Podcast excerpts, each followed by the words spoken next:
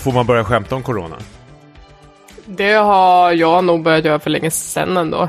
Är det att du hostar folk i ansiktet eller? Mm, jag träffar inte folk så det är lite svårt att göra den. Tänker jag. Jag tänker så här, gaming, corona och uh, skämt. Jag tror jag har en i hölstret här. Mhm. Eh, sen pandemin började så... Eller innan pandemin rättare sagt, spelade jag väldigt mycket med kompisar och sånt där. Men sen när pandemin drog igång så har ju knappt någon... Eh, ja, någon ingen vill ju spela med mig knappt. Men eh, sen kom vi på det, det kanske är bara för att jag hostar hela tiden. Jag kom på den klockan två mimitt på natten och jag har aldrig varit så nöjd i hela mitt liv. Kan man söka patent på den? Ja, gör det. Tänker jag. Ja. Gör en TikTok av det. Jag har hört att du Ja, men ka- gillar den ja, appen. men, Kanske det. Alltså, man, blir, man blir ju väldigt trött på det här äh, corona. För jag har ju alltid trott att det varit öl det handlar om hela tiden. Eftersom det är så mycket cases. Oh. Ja. Inte så jätteimponerande ni. Stark nivå vi inleder dagens avsnitt med. Tommy. Eh, på tal om eh, pandemi och sånt där så har vi börjat dra igång eh, det här brädspel Pandemic Legacy. Det känner ni säkert igen. Eh, det, för kort förklarat är det väl ett Pandemic-brädspelet fast det är väl här legacy-variant. Att det är väl någon slags rollspelsvariant. Isabel, du har ju spelat här. Niklas, du har ju förstört det vet jag för några andra. Och Kallade du mig för. Isabelle? wow! Wow! Fan Isabel nu igen. Eh, det, är, det är min grannes dotter. Wow! jag vet inte vad jag ska säga Tommy. Jag vet inte vad jag ska säga. Fortsätt om Pandemic Legacy, jag vill inte prata om det här mer. Men Elisabeth, Isabel, det är väl samma sak. Mm. Nästan. Eh, vi har bjudit över våra grannar i alla fall så vi sitter och spelar det. Dock ju, har ju det här spelet blivit så här förhäxat för vi har väl kört kanske tre, fyra omgångar och eh, när vi drog upp det här spelet för första gången så sitter man ju såklart och skrattar. Hö, hö, hö, hö, vilken jävla sammanträffning. Nu sitter vi och spelar det här samtidigt som det är corona utanför. Hö, hö, hö, hö. Eh, så Två dagar efter vi spelade första omgången så får vi ett meddelande från eh, paret säger Hej, vi har fått corona, bara så ni vet. Wow, tematiskt korrekt. Väldigt bra. Ja, eh, så då var det nästan slutskojat eh, kände vi. Tills tre veckor senare så tog vi upp det igen och sa ha ha ha ha ha, blixten slår aldrig till två gånger på samma ställe. Två dagar efter det så ligger jag och min fru och son med 40 graders feber. Nej. Så nu rör vi inte det där jävla fittspelet längre faktiskt. Men alltså, ni har alltså haft the Rona, ni är klara och Nej, vi, antikroppade? vi, nej vi, vi hade inte corona. Vi fick en jävla bebisförkylning, eh, tur var. Men Mm. vi, det här har ju hänt, inträffat liksom två gånger och vi har blivit sjuka, alltså rejält sjuka, två dagar efter vi har dragit, här, eh, dragit igång det här spelet och suttit och skojat om det. Så nu pratar vi inte ens om det känns Nej, som. stoppa Nu in det längst, längst in i garderoben. Anus, aha, garderoben. Ja, Ja, förlåt. just det. Mm. Ja. Ja. Mm. Nära i alla fall. Avsnitt, Hur är det med då? avsnitt 91 av Späckat inleds alltså starkt. Det är bra, eh, Tommy. Mm. Det är... Eh, jag är tillbaka. Ni gjorde ett avsnitt utan mig. Eh, Hur kändes det? Ångrar du? nej, ni har gjort det förut. Jag litar på er. Ni är ju luttrade vid det här laget. vi- har ju skoskavat in en bokklubb och allting. Ja, så, den- det, så här går det Elisabeth när du liksom släpper två snubbar loss liksom. Två vi- vita, vita science fiction-män. Ja. Nej, men jag eh, antar ju utmaningen, helt klart. Vi kommer att följa upp eh, bokklubben i eh, slutet av det här avsnittet, kanske. Ja, mer om det senare. Ja, exakt. Niklas då, hur är läget? Jo, men det, det är bra med mig. Vi, eh, jag tänker att det, det, du gjorde comeback när du hörde min uh, usla och obegripliga Loop Hero-recension.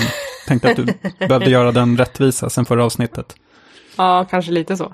Ja, Lite så. Men vad då? Har ni hamnat i tjafs med varandra? Nej, men Nej. jag, jag, jag blev... Det var en så här personlig besvikelse för mig. Jag brukar alltid så här, efter avsnitten utvärdera, så här, det här kunde man gjort bättre. Och, och just Loop Hero-recensionen kände jag, det här var inte så bra. Tommy förstod ju inte vad jag, vad jag pratade om när jag skulle Nej, nej, okej, nej, jag fattade ingenting. Men det är ju väl ett komplext spel, är det väl? Elisabeth? Ja, men det är ett spel som inte berättar så mycket för dig. Jag, eh, det, Loop Hero har ju varit det spelet som jag har haft som idle-spel under möten. Ni vet, man sitter på 300 Zoom-möten varje vecka och man vet att man inte har något att bidra med till alla de Zoom-mötena, utan kanske bara till tre av dem. Eh, Du kan få låna ett av mina skämt om du vill. vilket, då, vilket då, säger jag. Säg. Vi- Vilket av dem? Ja, Ja men de jag inledde med. Alltså 2017. ah, okej. Mm, mm, mm, okej. Då förstår Har redan glömt dem. Eh, nej, och då eh, så kör jag lite Loop Hero på under tiden. Och grejen är att, ja, det är ju ett komplext spel. Jag tror jag fattar vad alla de rörliga delarna gör för någonting. Men det betyder ju inte att det har gått bra. Och nu har jag alltså klockat 30 timmar i det här spelet, så här idle-spelande. Och jag klarade första bossen idag, Grattis. efter 30 timmar. så jag är inte jätteduktig på det här spelet heller faktiskt. Men är det inte, det ser så jävla mysigt ut tycker jag när man spelar. Jag fattar ju ingenting, jag har ju tittat på det, jag är ju supersugen på det här spelet. Men jag tycker att det kän- känns mer mysigt, men det lät så jävla obehagligt när Niklas satt och pratade om det tycker jag.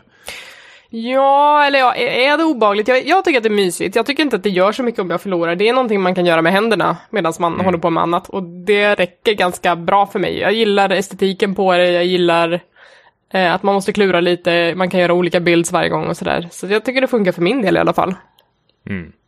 Men Niklas, kommer du göra någon slags Breath of the Wild-grej då som du gjorde förra avsnittet? Att du kryper till korset om typ fem år eller någonting och säger att Loop Hero var i alla fall 10 av 10. Inte omöjligt. Just nu är det lagt på is i alla fall, så vi får, vi får väl se vad som händer med det. Spännande, vi hoppar rakt in i eh, speldelen eh, handlar det som. Ja. Verkar det som menar jag. Ja, ja. Eh, f- får jag prata lite om vad jag har spelat snabbt? ja får du. Okej?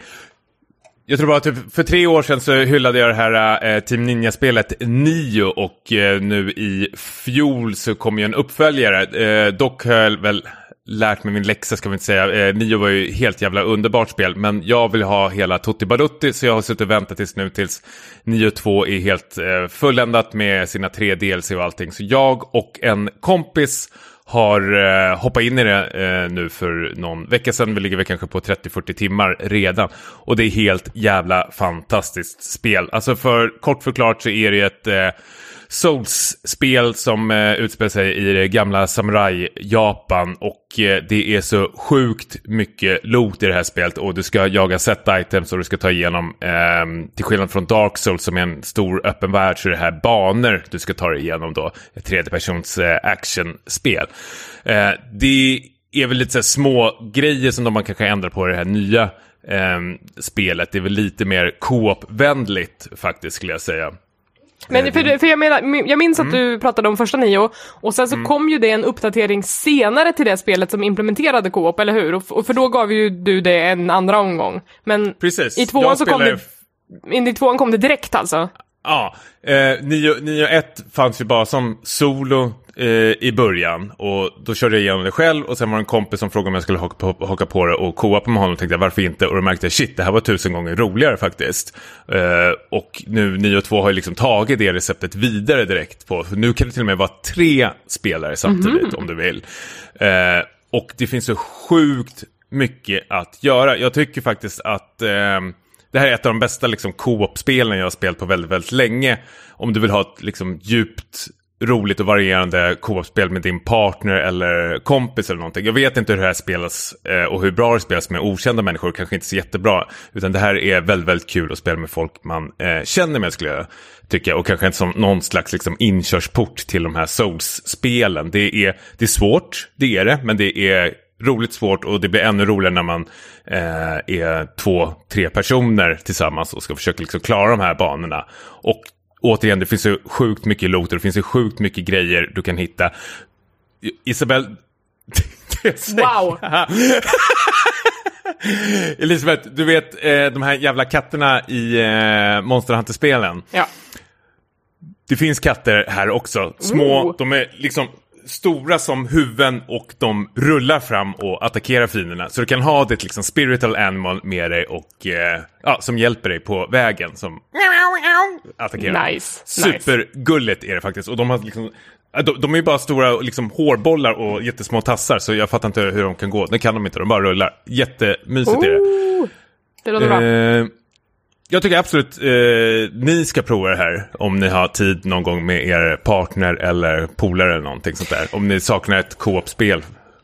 Vi har faktiskt eh, pratat om det här med att vi skulle ta oss an både ettan och tvåan tillsammans som en sån här co-op-grej. Nu, har vi inte, nu tar vi oss inte jättemycket tid att spela co-op här hemma, utan det, det sker ganska sporadiskt. Vi körde ju nu It takes two senast och hade jättekul med det, men efter att vi har haft sådana där intensiva co-op-perioder så vill man gärna ha en liten paus och köra lite på egen hand igen. Um, men det står ju absolut Jag- på vår lista. Mm, jag skulle säga hoppa första spelet och hoppa direkt in på tvåan. För första spelet har lite liksom... det- kan vara en liten tröskel för co-op-delen eftersom det inte är helt implementerat. Eh, tvåan är liksom att den har finslipat. Det är mer ett co-op-anpassat spel och mycket mer liksom tillgängligt. Ettan har vissa uppdrag som du måste klara på solo till exempel. Här är det liksom alla banor kan du köra co-op liksom. Och du får liksom göra hur du vill och droppa items till varandra. Så om, du vill, om man letar efter liksom ett action-RPG ehm, ja, med någon eh, polare eller någonting så ska man absolut kolla in det här spelet. Jag är supernöjd och vi är li- 30 timmar in i det och har liksom bara skrapat på ytan känns som. Vi har inte ens kommit till DLC eller något. Så det är, finns pissmycket att göra i det här. Gött! Mm. Kul. Kul tips. Ska jag ta någonting? Ja, Absolut. kör lite spel. Nu vill jag ha, jag vill ha det, jag vill veta om Resident Evil Village. Oj. Absolut. S- Snälla en recension utan att kritisera eh, teamet som kom på den här åttan i Village nu. Vill jag höra. För jag Ja, tycker ja, det är jag- jag jag varit med om. Ja, jag tycker också. Jag tycker det är gåshud. mer så. Okej, Det okej. är så dåligt så det blir bra. jag älskar det. Som sagt, eh, Resident Evil Village, uppföljaren till Resident Evil 7, Biohazard, där Capcom ju eh, tog första klivet eh, in i första persons skräck, försökte förnya eh, franchiset, lyckades väldigt bra tyckte jag. Men nu när jag har spelat Resident Evil Village så inser man ju att eh, sjuan, det var mer bara liksom en, en prototyp, eh, en, eh, ett test för att de skulle kunna bekanta sig med formen. För eh, Village är ett eh, bättre spel på alla fronter, skulle jag säga. Det här är en, en fullträff. Vad roligt. Eh, ja, och jag var inte så superpeppad innan av någon anledning, men det här ehm, spelet som är väl ett, ett kärleksbrev till Resident Evil 4, som ju var på den tiden eh, ganska nyskapande actionspel som tog serien in i en ny riktning.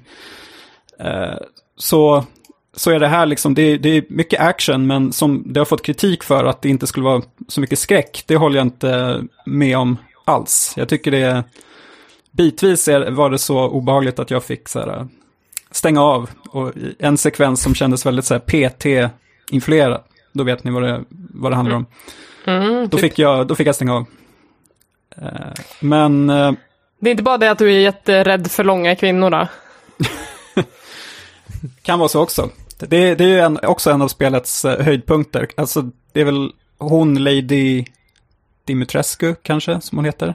Som Mm. har ju liksom synts i, i alla trailers och promomaterial. Men det finns ju mer, de har ju fler eh, liksom S i det här spelet som de inte har liksom visat upp. Så, så det var väldigt kul att spela igenom det här och upptäcka eh, alla de här sakerna själv. Mm. För det är ju, eh, det nämnde, jag- nämnde jag inte, men det utspelas ju i, i Transylvanien. Så det är ju, miljöerna känns ju igen från fyran, de här lite europeiska liksom bergsmiljöerna som jag verkligen uppskattar. Eh, det finns också det här slottet, Eh, Lady Dimitrescus slott, som jag tyckte påminde väldigt mycket om eh, det här mansion-delen i första spelet. Så det var liksom som en hyllning till det som jag också verkligen gillade. Um, ja, alltså jag tycker det här är eh, definitivt i liksom topp toppskiktet i, i den här långa serien och de, liksom, de lyckas än en gång eh, ta det här vidare. Vilket jag inte riktigt trodde på förhand. Mm. Eh, Du, du har spelat igenom det här helt nu eller? ja, precis. Ja. Hur känner du med spellängden på det? För jag tycker att det är det som verkar nästan mest positiva med det här spelet. Jag har hört att det ska vara rätt så alltså, kort men väldigt så här, rakt på saker. Det tar väl typ 8-10 timmar att eh, klara av, vilket jag tycker lät jätte... Eh, skönt faktiskt. Ja, Att det, det, kän- det känns som de, det, de inte eh, vad säger, mjölkar ur det så mycket. Eller? nej precis. Alltså dels är det ju väldigt varierat. Att liksom, um, det blir aldrig tråkigt, man vill alltid hoppa in i nästa del. Uh, men sen finns det ju också det här liksom från tidigare spel där man liksom kan backtracka lite det här Metroidvania. Du hittar nycklar som låser upp mer av den här byn då som är liksom navet lite i det här spelet som man återkommer till. Och jag finkammade ju det här spelet så för mig tog det nästan 12 timmar. Så det var lite längre där men jag har ju sett att de, de flesta går i mål på typ 10 timmar. Uh, om, det, om det är något jag ska vara lite så här försiktigt negativ så är det väl att det är action, det är actionbetonat, särskilt spelets andra hälft. Och uh, om det då ska följa liksom den här, uh, jag vet inte, kronologin här med fy, fyran så följdes ju det på fler liksom actionbetonade Resident Evil-spel och så höll de ju på att köra franchiset i botten lite. Så jag hoppas att de inte gå för mycket på action. För det, enligt ryktena så fick de ju tona ner skräcken i det här spelet för att folk tyckte att sjuan var för obehagligt.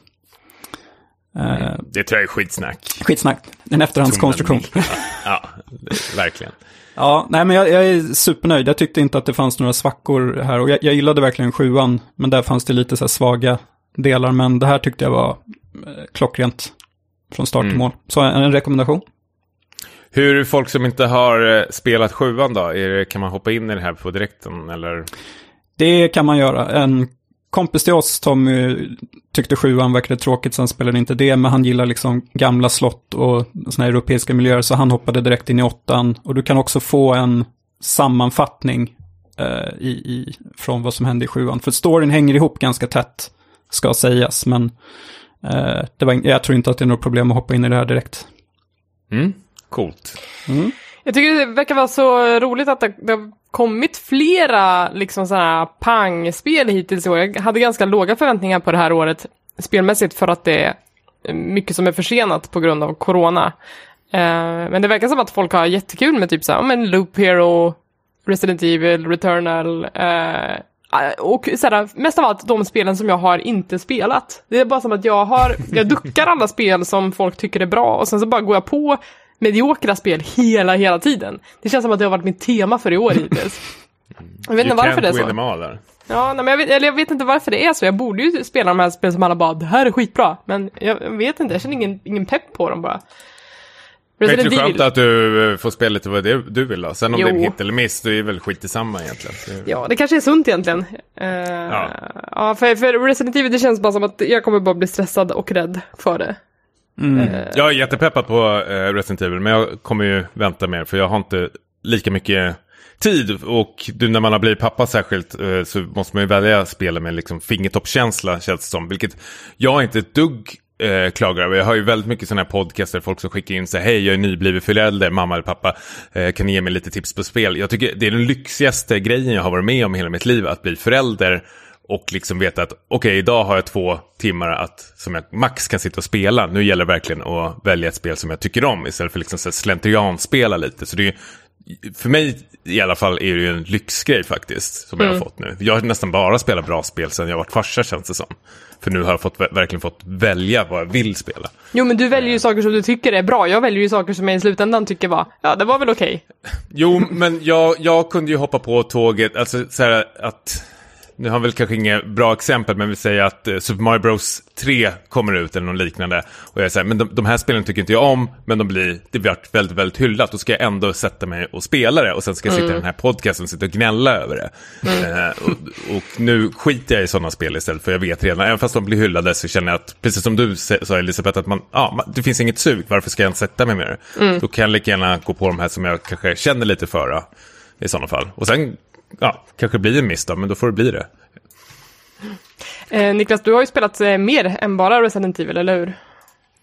Ja, jag, jag, jag fortsätter. Ja, um, kör. Vi, det är din dag. ja, det känns så. Vi pratade ju för några avsnitt sedan om att jag var sugen på att börja spela JRPG igen. Uh, men jag har liksom bara väntat på rätt, um, rätt tillfälle. Och så såg jag en tweet. Jag kommer inte ihåg vem som skrev den, eller exakt vad det stod, men Tobias Bjarneby kanske? Kan ha varit. Minnesvärd tweet. ja, precis. Det är, poängen med den var att så här, om du vill eh, återuppliva magin från Final Fantasy 6, eh, men tyckte att eh, Octopath Traveler var, var eh, skitspel i princip, eh, då ska du istället testa Fantasian, Som alltså då är eh, studion Mistwalkers nya spel. Och det är alltså den studion som Final Fantasy-skaparen eh, Hironobu Sakaguchi eh, bildade. Med eh, bland annat då hans, eh, eller Final Fantasy-seriens kompositör Nobuo Uematsu, så här tunga namn. Eh, som gjorde ett par spel som var Xbox-exklusiva har jag för mig. Um, sen har det väl varit lite tyst, men nu så kommer det alltså till uh, Apple Arcade av alla ställen. Mm. Det här, ja, JRPG där de, liksom, de här gubbarna går tillbaka till, till rötterna lite. Och, och ska skapa ett spel som känns som ett ja, Final Fantasy-spel som kunde ha släppts på kanske Playstation 1-eran. något i den stilen. Lyckas de? Ja, alltså det är inte samma magi som, som det var. det, det, var. Det var ju skitsnack såklart.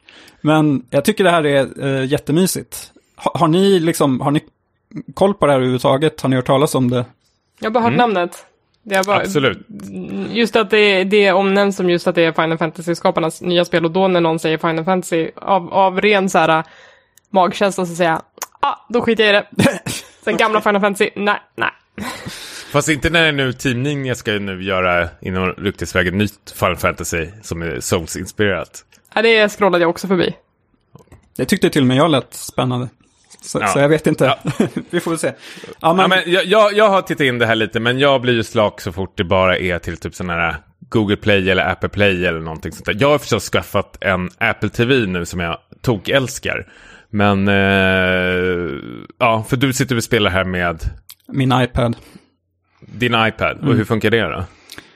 Det funkar väl alltså okej okay, tycker jag med, med liksom, jag skulle inte kunna spela på telefonen, det är inte en chans, men iPad funkar ändå okej, okay, men för mig är det lite så här, jag har svårt att, den är inte så skön att hålla i, det är ju liksom ingen switch på det sättet.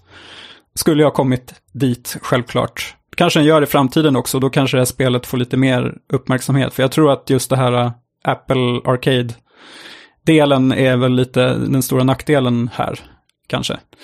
Um, men jag kan bara dra lite kort vad jag, vad jag tycker och vad jag gillar. Och det, det, är väl just att det är här, de här klyschorna som, som man har längtat efter med en hjälte som har minnesförlust. Minnesförlust. Såklart. Bara checka av här. Vara, det måste vara så. Kristaller? Ja, jo, det, Eld, det, finns, det finns kristaller. Vatten och... Ja, det finns lite så här diskret, diskreta Final Fantasy-hyllningar med liksom namn som man känner igen, typ eh, ja, Sid och lite sånt. Så det är så här, eh, de, de, det är verkligen en hommage liksom och de, de spelar liksom på folks nostalgi, min bland annat. Det finns en världskarta också. Det är, det är din nostalgi. ja.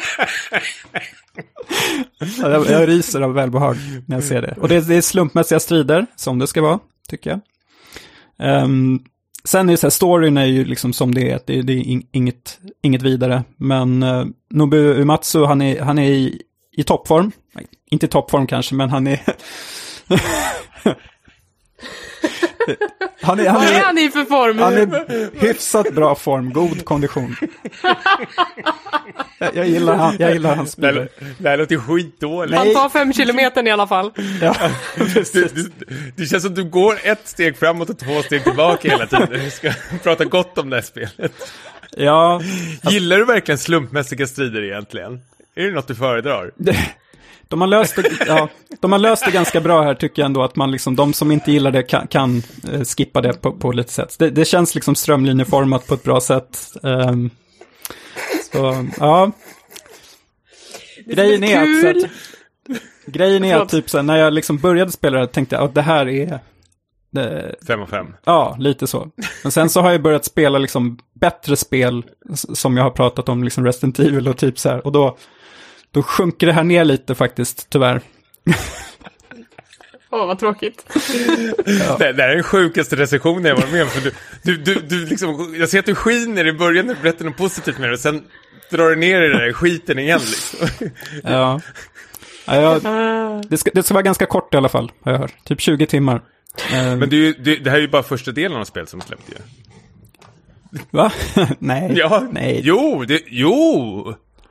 Det, det är ju inte hela spelet som är släppt, det är två delspel har jag för mig.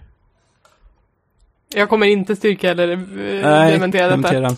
Medan Tommy kollar det så, nej men, eh, ja. Jag, jag, jag tycker att det roligaste med den här recensionen är att den låter exakt som min Bravely Default-recension. Det låter som att vi pratar om exakt samma spel. Bravely Ja, Default 2. Fast den, det här hade bättre världskarta, har jag för mig. Så det är väl det som trumfar Bravely Okej. Default. Ja, ja, det kan jag tänka mig. Ja. Nej men, eh, jag, Mist, Mistwalkers Fantasy will be a two-part game.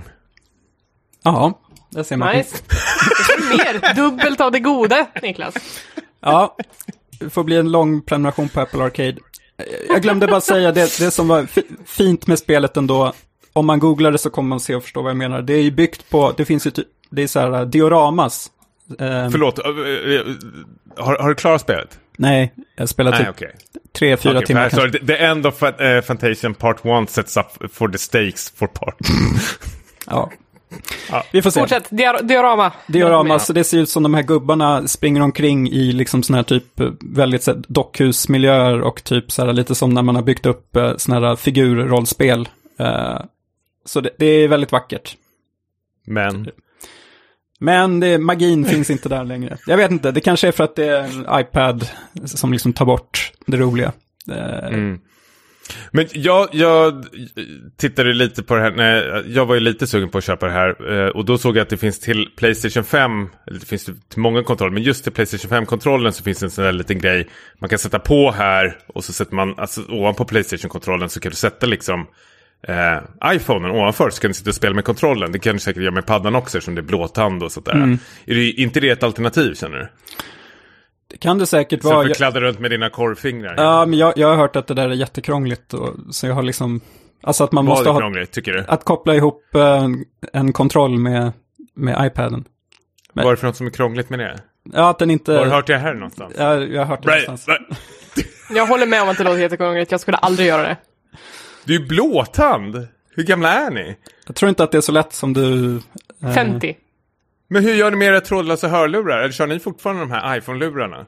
Nej, Nej. Men, ja, att, att hålla på och synka sina jävla trådlösa hörlurar, det är det värsta jag vet. När den inte kopplar upp sig, då blir jag förbannad. Då går jag och hämtar den med tråd istället. Nej, skämtar ni? Det är ju, fa- alltså, jag, jag grinar varje gång jag kopplar upp något som är trådlöst. Allt med blåtand bara funkar för mig hela tiden. Good for you! Ja, men fan, get a room ni två. Bara det inte blir trådlöst rum. Va?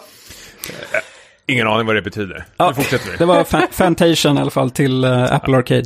Ja. En rekommendation. Det- Var det verkligen det? Typ.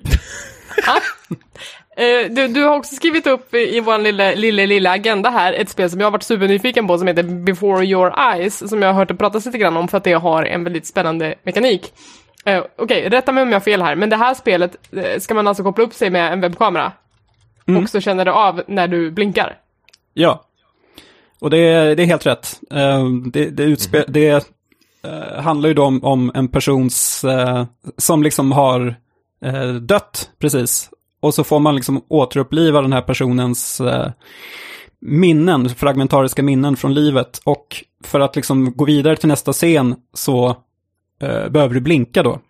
Eh, men det här är ju liksom, det som är roligt med den här mekaniken är ju att eh, du kan ju inte hålla ögonen öppna hur länge som helst. Och de här scenerna fortsätter ju ganska långt. Och det är väl det som är lite poängen, att man liksom, man kan inte, ja, vad va, va, vad säger man? Liv, livet försvinner på ett, på ett ögonblick, kan man säga. Tom, Tommy ryser här, ser jag nu. På. Jag känner mig slak när du sa det där. Ja, men lyssna här. Ehm, Mm. Om jag säger så här, det här är årets eh, What Remains of Edith Finch. Oj, det är starkt. Okej. Det, det är stora ord, ehm, men jag tycker faktiskt att det här är så, så himla bra. Ehm, Mm. vad, ska man, vad ska man säga mer? Eh, jag, vill, jag vill inte spoila för mycket, men det är så här, det är, eh, det är ett väldigt kort spel, ska man säga. Så jag, jag tog det i en sittning, um, strax under två timmar, så det är liksom som att titta på en film. Jag skulle nog rekommendera att, att man gör så också, och inte går ifrån, för då tappar man nog uh, flowet lite. Um, webcam är eh, ett måste, tycker jag. För det är så här, om man inte har det, då, då missar man lite av poängen. Även att efter typ en timme när det här liksom, när man börjar kunna det här med liksom blinkandet, så då introducerar de en liten ny mekanik som sätter en liten spin på det här som gör att spelet blir eh, intressant hela vägen in i mål. Och, eh, och eh, om man säger så här, jag, eh, jag började spela, jag först försökte jag spela med så glasögon på, men det tyckte inte min eh, webcam om. Så då fick man hålla på att kalibrera, så då började jag spela med linser. Då kan man bli lite torr i ögonen eh, och då, då blir det mer blinkande än vad man skulle önska. Men mot, eh, mot slutet, eller sista fem minuterna, då, då behövdes det inga ögondroppar, om ni förstår oh, vad jag menar. no! Men alltså är det, är det den enda mekaniken eller gör man någonting också förutom då att blinka och böla? Man, man klickar runt lite. Um, men de, de, delarna är ju uh, mer så här, ja, bara för att det ska vara lite mer in interaktivt tror jag. Det är ju, det är ju blinkningarna som är grejen. Man, uh, man hade tvingat in det för att det ska passera som ett spel. Ja, det var ingenting jag störde mig på, ska jag säga. Det är ju att man liksom, man tittar ju på olika delar också. Uh, och det funkade ganska bra för mig. Jag har en ganska dålig webcam, men det, men det gick bra ändå. Jag fick kalibrera om ett par gånger, men uh, för er tror jag inte att det är något problem. Uh, vi är stenhårda, vi kommer inte börja böla med det. Nej, får göra som i så här Clockwork Orange, sitta med så uppspärrade ögon, mm. så går det bra. Du, du låter som den där Aftonbladet-recensionen under Deep Impact. När han skrev någonting stil. Innan jag gick och såg Deep Impact så kom det ut en dam och sa glöm inte bort näsduken. Jag säger glöm inte bort spyhinken. Nej. det är den bästa recensionen jag läst. Ja, den, den var bra. Men jag tror att du kommer, du kommer gilla det här. Elisabeth också. Ja, jag, jag, känner inte igen det, men jag är superpeppad på det faktiskt. När jag tittar lite på det. Mm. Så absolut. Mm, jag har också velat prova det. Eh, bra, du, du, du byggde min hype eh, för det här. Eh, Samma här. Just att jämföra med Edith Finch är ändå ett stort påstående som vi eventuellt kommer behöva ställa dig mot väggen för i ett kommande avsnitt av Späckat. Det är magstarkt, men det är, ja, men jag tror på att eh, den håller, den jämförelsen. Mm. Mm. Give it a chance. Coolt. Ska jag bara dra lite kort eh, så kan vi gå vidare sen, men eh, Knockout City Eh, ska ju vara det här nya. Jag tror att det är typ så här två miljoner som spelar det. Någon sa att det här kan bli det nya Fortnite, det får vi ju se, eh, tveksamt. Va, vad är dina källor hela tiden? PR-firman. Det är alltid någon, någon och någon på Twitter. Det kan vara jag som hittar på bara. Men... Eh, någon sa att det är det nya Final Fantasy 6. ja källorna är tveksamma. Men hur som helst, eh, min, min, första tanke när jag hörde att det var typ som ett så här, dodgeball multiplayer-spel eh, var att man skulle liksom, ja men som, som att spela spökboll heter det väl, att man skulle vara typ i någon så eh, eh liksom en så stängd arena. Men så är det inte alls, utan det är ju mer liksom likt, ja men typ Fortnite eller Splatoon, alltså att det är ganska färgglatt, du springer och hoppar runt på olika banor. Eh, du, det spelas eh, om två, två lag med tre personer i varje. Och det som är kul och gör att det sticker ut, eh, det är just den här liksom kastmekaniken. Eh, när du eh, kastar på folk så kan du också, liksom, om du har tur, om du tajmar rätt, så kan du ta emot bollarna och kasta tillbaka. Så det blir ju otroligt hetsigt när du liksom möter de här personerna väldigt tajt inpå och, och du försöker kasta och du är liksom flera som försöker träffa dig samtidigt. Um, jag har spelat, uh, bara lite kort nu till PS4 och till PC, för det finns en öppen beta nu så jag passar på. Men jag känner direkt att det här är något jag kommer att förmodligen att inhandla. Det finns på, på Game Pass också, så det, om man vill sugen på att testa så, så kan man göra det där. Men kommer det vara, förlåt, kommer det vara gratis i Game Pass eller? Det, det tror jag. Betan. Det tror jag. Det brukar väl det vara på Game Pass, om det är på Game Pass, tänker jag. Ja. ja, men jag tänkte om det finns på Game Pass nu, men vad händer när eh, betan är stängd då? Det är det jag undrar. Får vi se. Jag tror att det kommer, ja. jag tror att det kommer ja. finnas kvar. Jag tänkte om du hade dina källor. Någon sa att vi, vi, vi får se. Uh, alltså känslan här, nu, känns det som att jag håller på uh, hypar grejer för mycket igen, men känslan när jag stängde av nu här innan var mm. typ som när jag hade spelat Rocket League första gången. Den typen Oj. av um, känsla, och jag gillar ju inte sådana här spel i vanliga fall rikt, eh, riktigt. Men just det här att det var så enkelt att komma in i och det kändes som att det var på schyssta, eh, schyssta förutsättningar för alla som, som spelade. Det är ju ganska tidigt så man kan fortfarande liksom göra bra ifrån sig. Eh, men det verkar finnas liksom lite mer djup än vad jag klarade av nu under min speltid. Man kunde typ eh, kasta skruvkast och sådana saker. Du kan passa dina lagkompisar och liksom göra snygga eh, kills, eller vad man säger. Så eh, det här ska ni också testa, tycker jag. Definitivt. Ja, men jag, eh, alltså, jag såg trailern på det här, men jag vet inte vart någonstans jag såg trailern. Om det var typ så här, Playstation 5 skulle visa kommande titlar eller någonting. Mm, det, det var med på någon press, presskonferens någon gång. Jag kände Eller hur, igen det här. Mm. Något, sånt- något sånt där hook liksom man får se och så är det någon sån här konstig, tråkig Kanye West-musik samtidigt i bakgrunden. Och jag tyckte, för fan vad tråkigt det här ser ut. Men nu när man både ser recensionerna och hör dig Niklas och dina källor så låter det här helt eh, underbart ju faktiskt. Så jag är jättesugen. Fan vad du, fan vad du bara öser på hörru. Bra spelpepp, du har ju burit hela det här spelsegmentet nu, Niklas. Ja, Men nu har jag, inget, oss. jag har inget mer. Du, jag har inget mer. Nu är det stopp. Nu är slut på allting. Ja. Pojke med guldspelsbyxorna. We'll take it from here. Vi tar facklan från dig.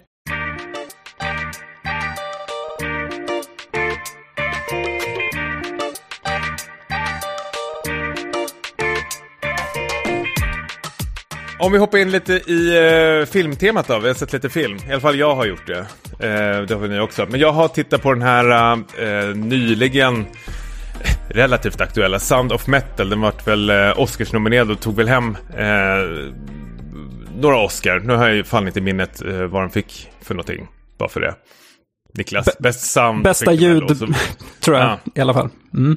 Skit i samma, det är väldigt omtalad och hyllad och nu har den kommit ut på Amazon Prime. Men det som är väldigt eh, peppat på det här är ju att eh, huvudskådespelaren eh, Riz Ahmed, eh, eller Ahmed kanske han heter uttalat till och med, som vi såg i, vad fan hette den HBO-serien? Ehm, The Night of. så, The Night Off, det var hans liksom, debut och nu är han tillbaka som en eh, hårdrockstrummis i den här eh, filmen som börjar tappa hörseln. Eh, vi liksom kastar oss in i det här, det är lite så här smått indie hårdrocksband som han spelar med tillsammans med sin eh, tjej och de är liksom ute och turnerar. Så märker man att eh, ja, både vi som tittar och eh, huvudskådespelaren att han börjar tappa eh, hörseln nästan på direkten. och Liksom förlorar den rätt så snabbt och frekvent. Och det här är ju liksom musiken som han eh, lever på. Det blir ju väldigt svårt som trummis också.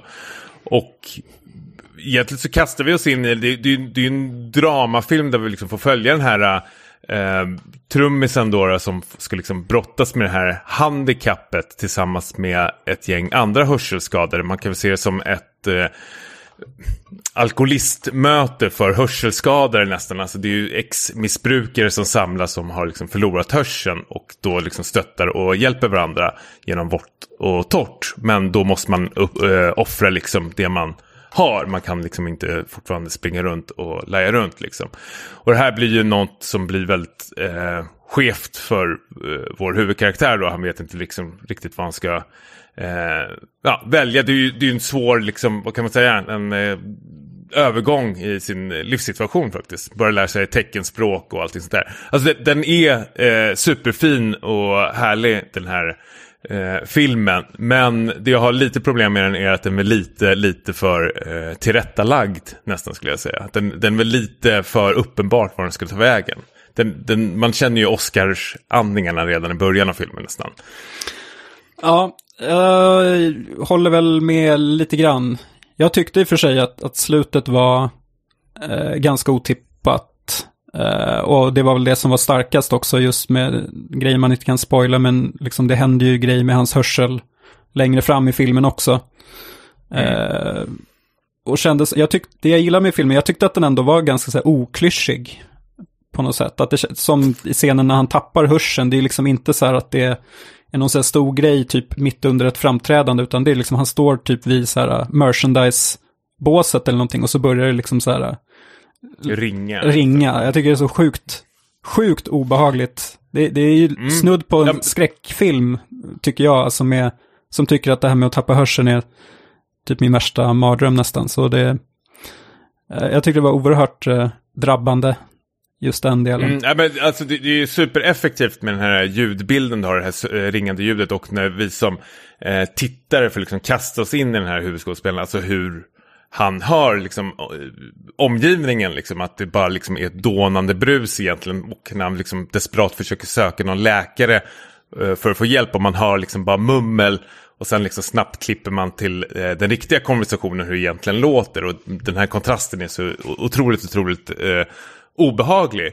Men eh, alltså om man, och det, det, är en absolut jättebra film, men jag känner väl, för mig känns den lite för, både för tillrättalagd och jag tyckte väl det kanske inte var så supersurprisigt slut, utan det, man såg väl, tyckte jag i alla fall på några mils avstånd vad som skulle hända. Jag skulle faktiskt vilja rekommendera då eh, It's All Gone Pete Tong, en gammal typ film från början av 2000-talet som handlar om en Ibiza-DJ som får exakt samma eh, problem faktiskt. Alltså det här är ju en remake av den filmen skulle jag till och med säga. Eh, och It's All Gone Pitong är snäppet bättre också. Det är ju en 5 plus-film faktiskt. Men är det, en det är en dokumentär eller det är en spelfilm? Nej, det, nej, det är en spelfilm. Okay. Det, It's All Gone Pitong är väl ett talesätt bland DJs som man använder när allting har gått helvete. Mm. Pitong är väl den här Ibiza-DJn som är känd för BBCs kanaler och hej och. Okay. Okej, anteckna för bil nu. Tack. Ja, men jag, jag, absolut. Uh, Elisabeth, ja. är, du, är du sugen på någon av de här två filmerna? Uh, nej, inte jättemycket. Eller så, håller du med du, du Niklas om att den är tillrättalagd som Tommy säger? För att sånt kan jag bli allergisk på ibland. Om jag håller med om den är tillrättalagd? Uh. Uh, alltså det är ju lite Oscars uh, varning liksom på, på vissa håll. Men jag tycker inte att, att det var så att det störde. Inte för min del. Jag tyckte det var så. Alltså, det, var, det var som en inte... inblick i, i en värld som man inte får se så ofta. Just med, som du beskrev, med de här typ, ja, före detta missbrukarna som också var döva. Det tyckte jag var en sån häftig värd att få kliva in i. Och just det här äh, ljudet i filmen är helt äh, liksom makalöst bra och otäckt. Så det, det, det vägde över, även om det kanske var liksom, visst det, det är en Oscarsfilm. Du, du sa ju att, ja, men, att det är läskigt liksom det här med tanken på att man ska bli döv. Det är ju en rädsla som jag inte visste att jag skulle få förrän idag. Eh, så det känns ju också som att den kan väcka en eh, ny ångest i mig som jag kanske inte har plats med just nu. Mm.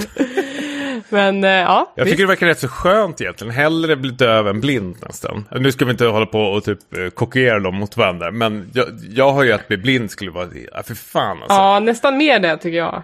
Ja. Tror jag. Jag vet inte. Då kan jag ju inte se mig själv längre. det är ju ändå det värsta. Ja, ja, jag måste lyssna på mig själv istället. Oh no. Nej, men, eh, men det jag är mest imponerad av och verkligen håller tummarna jättemycket för det är ju han eh, Riz Ahmeds eh, skådespelarkarriär och hans eh, framtid. Alltså när vi såg honom i The Night Off så höll man tummarna att eh, allting kommer gå väl för den här killen och det verkar ju göra nu också eh, med den här rollen. Alltså han är, han, han är helt, han bär ju hela filmen faktiskt. Eh, han kör ju över resten av skådespelarna. Eh, så jag hoppas att se mer av honom i framtiden också. Det är ju kul med sådana skådisar. Ja, um, ja men skitduktig är han faktiskt. Jag har, eh, jag har sett på tecknat. Uh, jag vet inte vad, hur högt det står i kurs hos er. Det känns Niklas. inte som att vi pratar så mycket om tecknat tillsammans. Anime pratar vi väl jo, om? Jo, jo, tecknat, just det. Tecknat som i... Västerländskt tecknat. Uh.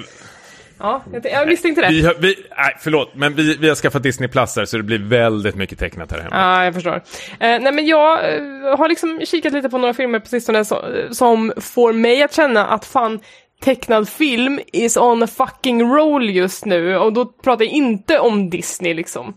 Eh, jag har dels sett då Uh, the Mitchells vs. The Machines på Netflix. Uh, och nu kommer jag dra lite fakta ur arslet här, för jag har inte uh, kollat upp det här ordentligt innan. Men jag tror att det är delar av samma team som gjorde den tecknade serien Gravity Falls. som är ändå så här superuppskattad i nischkretsar. Det är någonting som var väldigt charmig och god humor på alla sätt och vis. Eh, nu har de gjort en långfilm på Netflix då, The Mitchells vs. The Machines. The Mitchells är en familj eh, som eh, lever i någon slags framtid där en motsvarighet till Apples Siri blir självmedveten och vill ta över världen.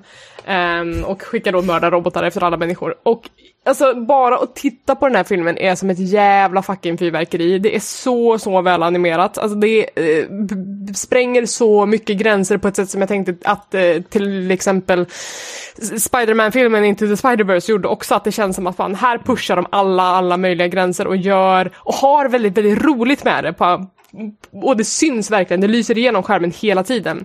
Och de... Fan vad kul, förlåt att jag avbryter men Mm. Spiderman-filmen, Into the Spider-Verse heter den väl Mm. Det, jag hade ju otroligt låga förväntningar men den var fan nästan 5 plus. Ja, den är kanon. Då, ja, och jag, det, det kommer från en som inte alls är superimponerad över eh, Marvel-filmen eller någonting. Men den är helt jävla otrolig.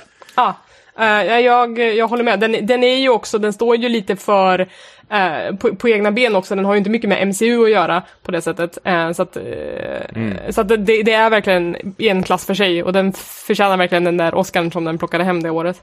Eh, Absolut. Ja, nej men så The Mitchells och the, versus The Machines går väldigt mycket i samma anda men det är mer av en sån här charmig familjehistoria där så här, ja men äldsta dottern ska flytta ut och ska vara på college, försöker frigöra sig från sina föräldrar och eh, pappan försöker desperat att liksom hitta någon slags, försöker bonda med sin dotter för att han känner att han inte har lyckats så himla himla bra med det. Och då allt det här till en backdrop av mördarrobotar som försöker förslava mänskligheten.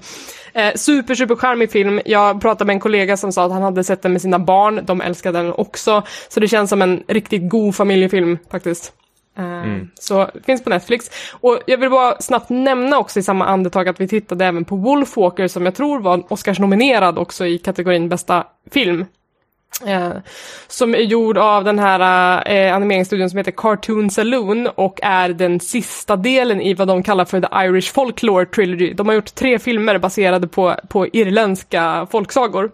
Eh, men de är alla fristående ifrån varandra. Jag har bara sett den här, men jag har hört att de andra två är väldigt, väldigt bra också. Eh, och eh, Wolfwalkers finns på Apple eh, TV Plus, Apple Plus, Apple TV Plus, ja i alla fall deras prenumerationsstreamingtjänst. Och den är också så här så otroligt vackert tecknad, mer åt det handritade hållet. Och eh, med soundtrack av den här norska Aurora artisten. Eh, och, um, och var bara en sån här superfin, någon slags fabelsaga om liksom att ja, man ska ta hand om det som finns i naturen och jägare mot djur och bla bla bla. Alltså också super superfin. Alltså det har varit så så kul att se de här tecknade filmerna som bara är så väldigt väldigt bra på ett sätt som jag inte har sett på ett tag nu. Det är liksom... Men de låter väldigt tillrättalagda. Ja, men de är lite tillrättalagda. Du- för det du ska ju, kräktes på det. Ja men, ja, men det, är ju, det här är ju familjefilmer, det ska ju passa hela familjen och då ska det ju vara tillrättalagt på något sätt. Eh, det är inte filmer som utmanar mig, men där, de lyfter ju istället på att de är så visuellt breathtaking. Alltså det har gått in ett sånt jävla hantverk i det här så jag sitter ju och är mer imponerad av det än av storyn. Jag har ju sett båda de här filmerna faktiskt.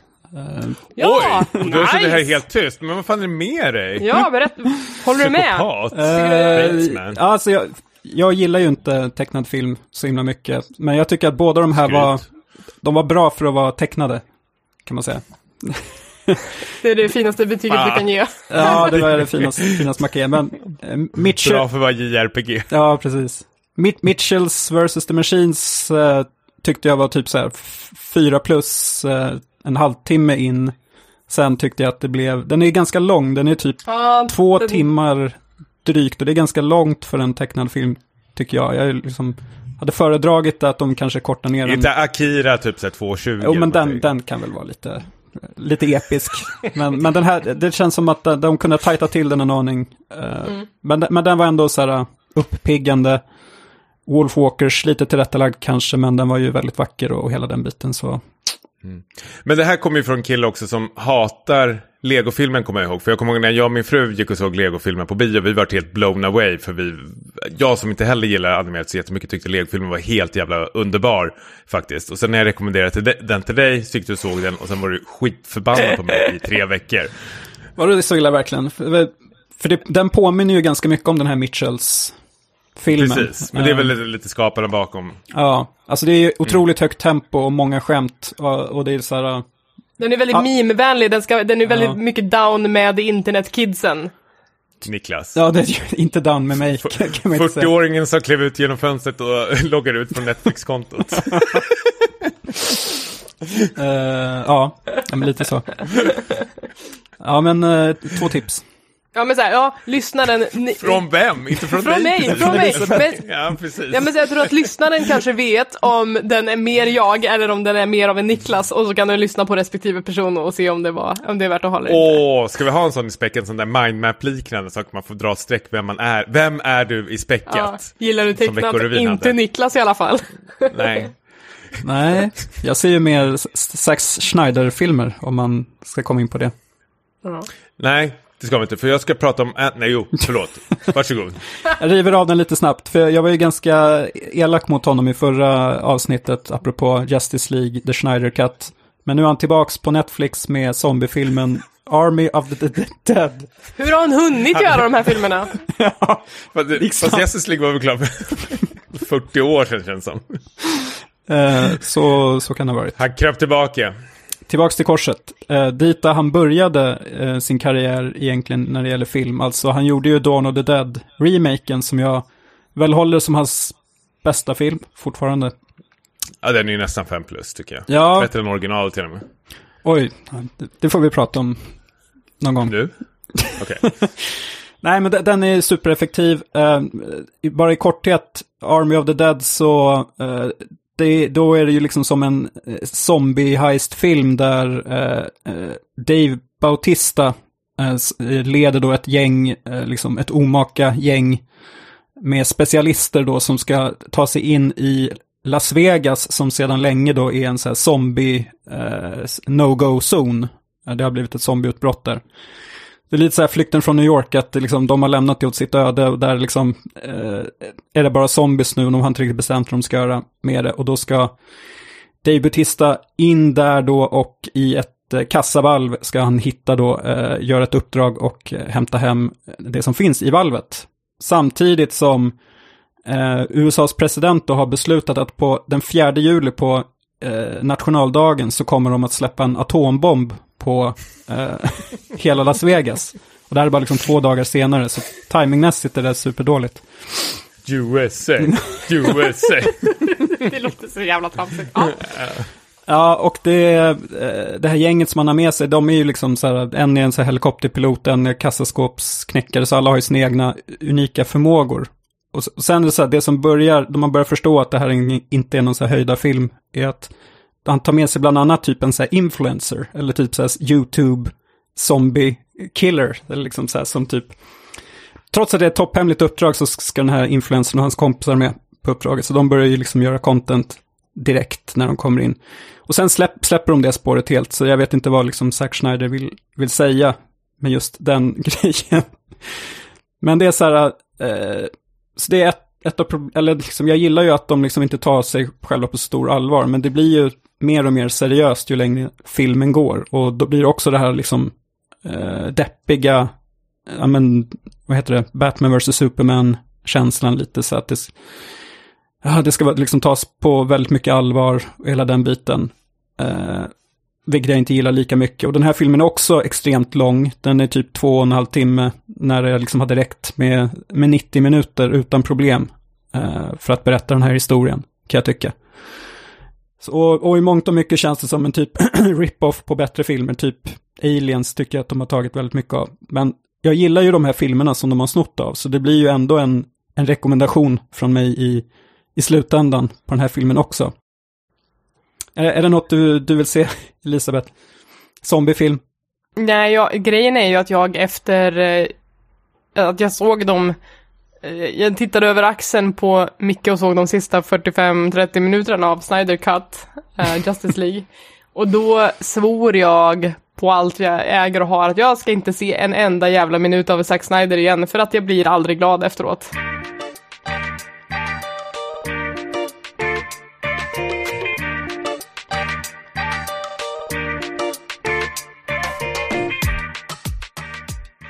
Vi eh, nämnde ju Pandemic Legacy här i början av avsnittet. Eh, jag har spelat ett brädspel de senaste, vad ska man säga, månaderna eh, som jag har haft så, så himla kul med. Det här är liksom spelet jag tar med till alla eh, max åtta personer gatherings med familjen med lite avstånd. Eh, Quacks of Quedlinburg heter det här spelet. Väldigt, eh, väldigt sä- säreget namn, svårt att säga. Eh, och det är som det låter, det handlar om kvacksalvare, alltså sådana här Eh, Eh, man, man är sån här, eh, ska sälja medicin som typ inte funkar. Ehm, det är liksom loren bakom det här spelet, så då ska alla spelarna, man är max fyra stycken, ska då brygga olika trollbrygder eller vad ska man säga, medicinbrygder eller vad det nu kan vara. Eh, så alla har liksom en, en spelplan framför sig som är som en gryta och sen så har alla en varsin påse och den här påsen har ett visst antal ingredienser i sig. Så man då ska dra i blindo ur den här påsen en i taget och lägga upp på den här grytan och de kan ha olika valörer, de gör brygden liksom olika bra, men det finns också eh, ingredienser som kan få det hela att explodera. Så att du, vill, eh, du, du får aldrig ha mer än en viss valör av de här instabila ingredienserna för då exploderar brygden och du får inte lika mycket poäng i slutändan och får inte vara med och, och liksom eh, ta alla, alla rewards som kommer efter varje runda. Eh, så det här är verkligen ett spel som eh, lockar fram gamblern i liksom mormor eller systersonen. Alltså det när, jag, när jag har spelat det här nu så, så märker man liksom att vissa som inte har visat upp en hasardspelsnerv gör det. Att alla är såhär, oh ska jag ta en till? Oh ska jag ta en till? Och så gör de ofta det och sen exploderar hela skiten och så har alla jätteroligt åt det. Det, det här eh, spelet har så himla himla mycket nerv i sig och har varit jätte jättekul alla gånger jag spelar, passar alla, alla har kul med det. Um, och verkar ha eh, väldigt mycket eh, vad ska man säga, de, de gör spelet omspelbart genom att, att ge, liksom, förändra reglerna. Du kan, du kan, det finns en massa olika regeluppsättningar som du kan applicera på det här spelet och göra det mer och mer komplicerat när du väl har, har bemästrat liksom, ursprungsgrundreglerna. Jag har ju spelat det här spelet. Ehm, jag har det hemma eh, till och med. Det, det är ett av mina favoritspel också. Alltså jag, Nej. Tommy Tommy ramlar ur stolen för, han, Det blev för mycket. för att Niklas återigen avslöjar att han bara, jag har också kört det här. Det, he, hela den här podcasten har varit att jag har också. The Niklas show. Det är Ja, show. faktiskt. Nej, men bara säga lite kort, jag, tyck, jag älskar det här spelet också. Det är verkligen nervigt och vi har spelat det med, med små personer, alltså med barn då. Och de tycker att det är jättekul just det här med att ha- plocka i den här påsen liksom och dra upp eh, de här valörerna. För att det blir verkligen som en så här eh, spänningsmoment där Mm. som uppskattas. På stora och små. Eh, det, det, spelet uppmuntrar att man speciellt sista rundan så ska alla göra allting samtidigt så att man verkligen gör det som en tillsammansgrej. Annars spelar man ju väldigt mycket på sitt eget bräde och gör sin grej. Men eh, då om man vill göra det till en mer gemensam grej så, så kan man alltid eh, liksom köra husregler att man drar tillsammans. Och sen så försöker man hetsa varandra att fortsätta och det blir väldigt, väldigt skoj. Eh, vi har ju också köpt det här hemma och har spelat det under en bra tid också. Och det är också ett av mina favoritspel. Nej, jag skojar bara. Det, det åkte direkt in i eh, varukorgen kan jag säga här hos mig. Jag sitter med eh, datorn nu framför mig. Det låter skitkul. Jag måste bara fråga en sak för jag sitter och eh, skumläser lite snabbt här och då skriver flera stycken köp expansionen på direkten. oh, jag har inte kört den så jag vet faktiskt inte om det är Okej, ett måste. ja, eh, jag läser fler, eh, att, ja okej. Ja, För jag har, nej, inte då ens. Jag har inte kört med alla regler som går att köra med i det här spelet, så jag känner mig ju verkligen inte klar med grundspelet. Ja. Ehm, Det gör, det gör spelet bättre, eh, bara sitt, okej, med fler ingredienser, bla bla bla. Okej, ja, ja. mm, ja, men, vet varför jag. inte? Kör. Eh, det, det har verkligen varit eh, superspännande för första gången jag visade upp det för min familj till exempel. Då så, när vi åkte därifrån, då tog min systerson, han bara drog och köpte det själv för att han tyckte att det var så, så roligt. Alltså det var ju liksom instabuy. Um, så det är otroligt bra partyspel. Jag tycker det enda som är tråkigt är att man inte kan vara fler än fyra personer på det. Ehm, men Hur är det att spela två med det? Det går jättebra. Sin partner. Jag tycker gör det är supermysigt. Ehm, men Men det föredras att spela fyra. det blir ju roligare på fler, men jag tycker det är li- minst lika roligt på två. Eh, det som vi har gjort när vi har varit fler än fyra är att vi sitter i lag och så får man varannan person turas om och dra ur påsen liksom. Ah, så man kan smart. lösa det på det sättet istället. Mm. Ja, så det är fan s- så här, min årets bästa brädspelsrekommendation från mig egentligen, hittills. Eh, ja, nej, jag köper absolut tänker jag. Eh, det var ju bara 300 spänn typ. Ja, det är Niklas, bra du pris. ju på 300 spänn. Ja. Coolers. Eh, kan jag prata lite om anime? Ja, I love it. Jag har sett Demon Slayer, jag tyckte inte den var jättebra. Men den är Okej, du superhypad. prata om det, eller? Nej, jag vill inte det. du vill bara sticka in mig. Ja. Nej, eh, för några avsnitt sen så avslöjade, avslöjade, det var inte jätteavslöjande, men jag och eh, några polare har startat en eh, mangaklubb. Vi såg, läste igenom Gantz, alla var jättenöjda, var kul och sen hoppade vi på något som heter Oyasumi Punt Punt, den var skitdålig, alla vart förbannade. Åh nej! Så, ja, precis, och då samlade vi ihop oss och så sa någon är det någon som verkligen har sett Attack on Titan? För nu har sista säsongen dragit igång och jag känner mig lite sugen. Jag har sett Attack, Attack on Titan två gånger och stängt av varenda gång. Jag har haft jättesvårt med den här serien och inte sett liksom storheten med det. Men jag... Jag har gjort exakt samma sak vill jag säga. Ja, exakt samma sak. För den här tv-serien kommer ut så 2013 eller någonting. Det är baserat på en manga som kom ut 2011. Den har slagit liksom så här rekord både tv-seriemässigt och liksom mangamässigt. Går hur bra för som den som helst och den eh, har jättebra betyg. Men när jag har liksom sett fyra, fem avsnitt så har jag liksom känt liksom vad är grejen? Eller liksom så här, jag, jag fattar grejen, alltså den, den, känns så jävla random. Alltså bara kortfattat så handlar det om en eh, stad som är omringad av en eh, jättehög mur på 50 meter. Alltså det är tre murar i den här staden liksom. Och utanför så är det sådana här stora titaner. Och helt plötsligt så... Vänta, du måste eh, förklara vad de stora titanerna är för någonting. Det är ju eh, groteska människor, liksom, nästan vanställda människor ser de ut som. Det är som, alltså eh. typ så här, tänk 20 meter höga människor som mm. inte har någon hud. Så man ser ju bara muskelmassan på dem, de är skitäckliga. Ja, och eh, värt att nämna är att det är ju det är bara killar är det också som man eh, får se till en början. Eh, mer av det ska vi inte eh, avslöja. Men helt plötsligt blir den här att, eh, staden då attackerad. Alltså titanerna lyckas ta sig in i staden. Och de här människorna måste nu efter liksom hundra år av liksom, isolering liksom, försvara sig. Och jag känner liksom att, jaha, ja, där har vi liksom plotten. Men nu tog jag äntligen liksom tjuren i hornet och liksom jag står fast vid att liksom de liksom sex, sju första liksom, avsnitten, alltså nästan första säsongen. Det är, det är bra men liksom, de lägger upp så otroligt mycket. Det känns som det inte finns någon liksom, tanke bakom den här serien. Det bara händer saker bara för att känns det som.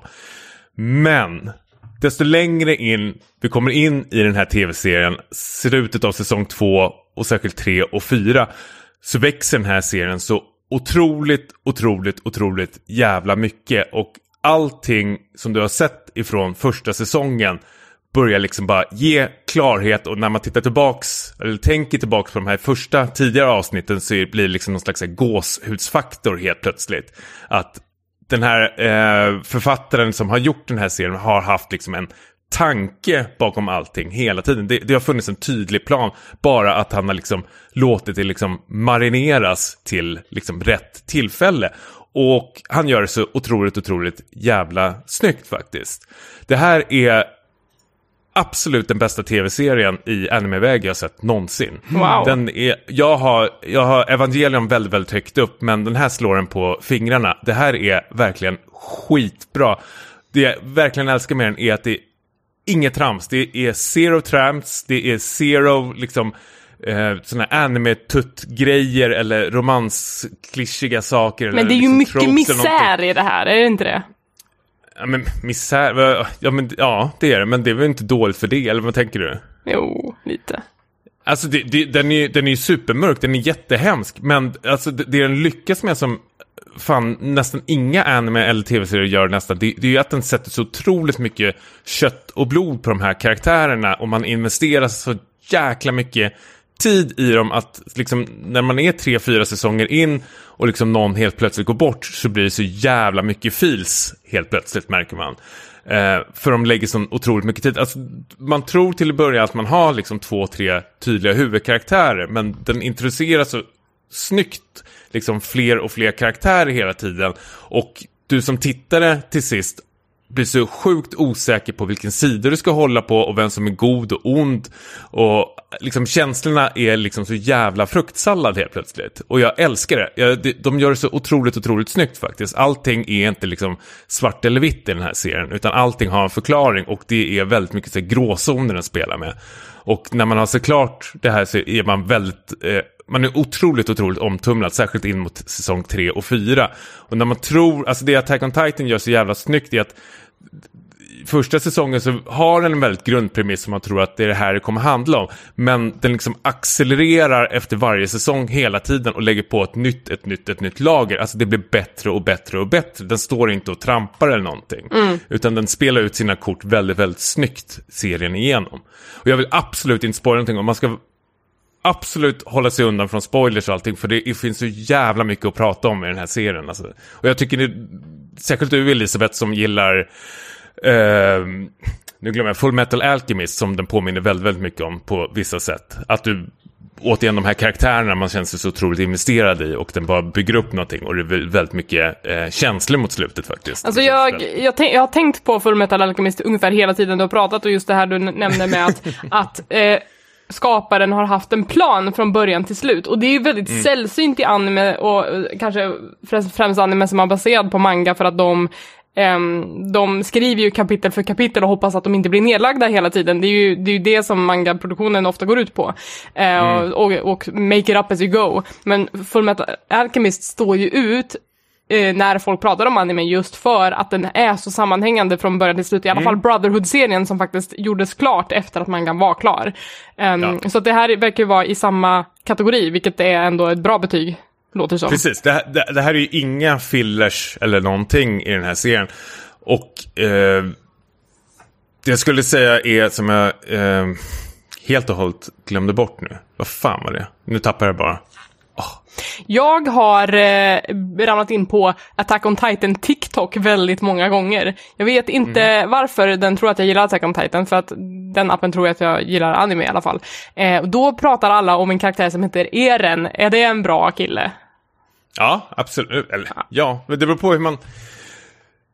Det beror på hur man ser det okay. faktiskt, egentligen. Men, men det, det är väldigt mycket... Eh, ja, shit goes down för den här huvudkaraktären som man tror är, tror, det, det är en, den, han presenteras som huvudkaraktär liksom.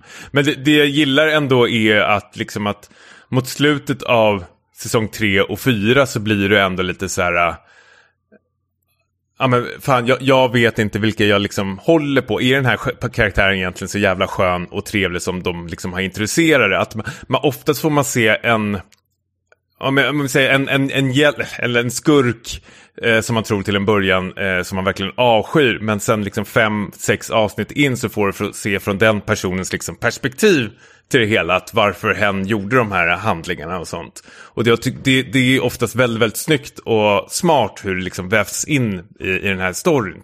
Så ibland kan det vara lite hopp fram och tillbaka, men eh, Anman gör det väldigt, väldigt tydligt när det blir sådana hopp. Men det gäller att vara liksom eh, investerad i serien på det sättet att man kan inte liksom sitta och fippla med telefonen och sånt där. För det, det går undan i den här tv-serien. Den står verkligen inte... Till en början känns det som den står mest och trampar vatten. Men sen liksom accelererar den iväg och när den gör den då gäller det liksom bara att hänga med. Men jag tycker absolut ni ska eh, titta på den här. Och det var det jag skulle säga. Jag har varit ju väldigt mycket sur i början på den här serien för det känns som att eh, de liksom nästan panorerar bort kameran så fort det skulle liksom gotta sig i någon våld när de här eh, titanerna äter upp människorna eller någonting. Att de liksom fegade ur kändes som. Som jag tyckte var lite tråkigt. Men nu efterhand så känns det väldigt snyggt egentligen för att få följa de här människornas liksom trauma efteråt. Att de har, när de har blivit attackerade av de här titanerna och sett kanske sina vänner blivit uppätna på nära håll och hur de liksom hanterar den trauman eh, och den posttraumatiska stressen efteråt. För eh, det är det som gör det så jävla mänskligt den här serien också. Att folk, fan, eh, krig är inte så jävla kul och inte när man liksom förlorar sina vänner i nära strid. Att det är inte liksom någon jävla Dragon Ball-gäng där utan det är liksom unga, eh, vad kan man säga, eh, soldater, barn liksom som de sätter in i strid här. Och oftast liksom mot sin vilja, vilket är supermörkt. Finns den på Crunchyroll? Den finns på Crunchyroll. Nice. Eh, så jag tycker absolut man ska se det. Jag tror Crunchyroll kostar väl typ 60 spänn i månaden. Och det, ja, jag sträcksåg det här. Jag tror du skulle faktiskt uppskatta det här, eh, Niklas, också. Jag vet att du är väldigt allergisk mot anime, men det här är liksom inget... Nej, och ni chan kawaii desu yo, doshi yo. ja, men då så. Jag gillade ju mm. Evangelion så... Ja, men då kommer du gilla det här. Det är tusen gånger mörkare nästan. Oj. På ett annat plan. Okej. Oh, Mm. Jag, tror du, jag tror du skulle uppskatta det också, eh, Elisabeth. Jag tror du skulle se liksom, fina parallellerna med eh, Brotherhood i den här faktiskt. ah, jag såg tre avsnitt och sen kände jag bara att jag mådde så dåligt bara. Det var ingenting som lockade mig att se mer av det. Det var ju där jag stannade de gångerna jag försökt.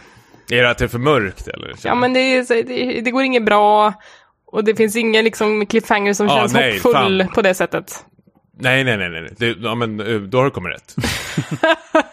så, så är det ju fyra säsonger nästan. Oh men men det, det är superspännande. Alltså, det är skitspännande. Alltså, jo, men cliffhangers kommer de fan du få så du bara skriker om det. Okej. Så du bara hoppar i soffan. Det lovar jag. Gött. Du ser, du ser ju så peppad ut att du sitter och studsar i stolen, vilket jag är Ja, men jag, bra, jag bra älskar, tecken jag, på det här. Ja, men jag vill se om den. Jag vill titta om på den. Jag tycker den är skitbra. Jag, det här ska jag absolut titta om på i framtiden. Det är helt, jag, jag är så förvånad också, för jag trodde det här skulle vara skitdåligt faktiskt. Att det var ett så här överhypad anime-serie. Men det är fem plus. av. fick du. Ja. Innan vi rör oss vidare till det kanske årets mest emotsedda späckat feature, vilket är vår Jo Nesbø bokklubb, så ska jag prata om en annan bok först. eh, så här var det, det var en eh, natt när jag vaknade och hade mensvärk och jag var så jävla omtumlad och trött, det, alltså det var fyra på natten. Att jag så här, vad sa du? Skryt, Ja, eller? ja. Ja. Eh, nej, men jag, var verkligen helt väck. Eh, och, det, och det jag gör är att jag tar min Kindle och sen så bläddrar jag i den och så köper jag en bok. som jag inte liksom reflekterar om vad det är för bok och sen bara morgonen efter jag bara, vad fan har jag gjort? Har jag liksom... Det kändes som att jag hade gjort något på fyllan fast jag inte var full liksom. Eh, och så började jag läsa den här boken. Och det var så jävla bra! Eh, jag har sett den här titeln förut, All Systems Red heter den. Den är skriven av en författare som heter Martha Wells och är en del av en, en serie, eh, det är inte riktigt romaner, det är mer som noveller, eh, som heter Murderbot Diaries. Eh, och så jag har hört att det har tisslats lite om den här boken innan och eh, eh, den har vunnit lite fina priser, men jag har aldrig, alltid tänkt liksom att vadå noveller, så här kort roman, det känns inte så, känns ingen peppigt, det känns inte episkt liksom. Eh, men så levde jag med mina val, jag började läsa den här boken och den var ju jätte, jättebra. Det handlar då om en, en robot som är en, som kallar sig själv för Murderbot, det är någon slags säkerhetsrobot som ska liksom försvara en forskarkoloni. Och så börjar det hända en massa konstiga grejer på den här forskarkolonin och den här roboten är eh, självmedveten och den försöker för allt värt i livet att dölja att den är självmedveten. Den här roboten vill inte att någon ska veta att den är självmedveten. Den vill bara ladda hem alla tv-serier som finns och titta på dem i fred. Det är allt den här roboten vill göra. Men så händer det då en massa konstiga grejer på den här forskningskolonin som gör att teamet befinner sig i fara och och då den här robotens, eh, vad ska man säga, egen tid, den komprometteras ganska fort.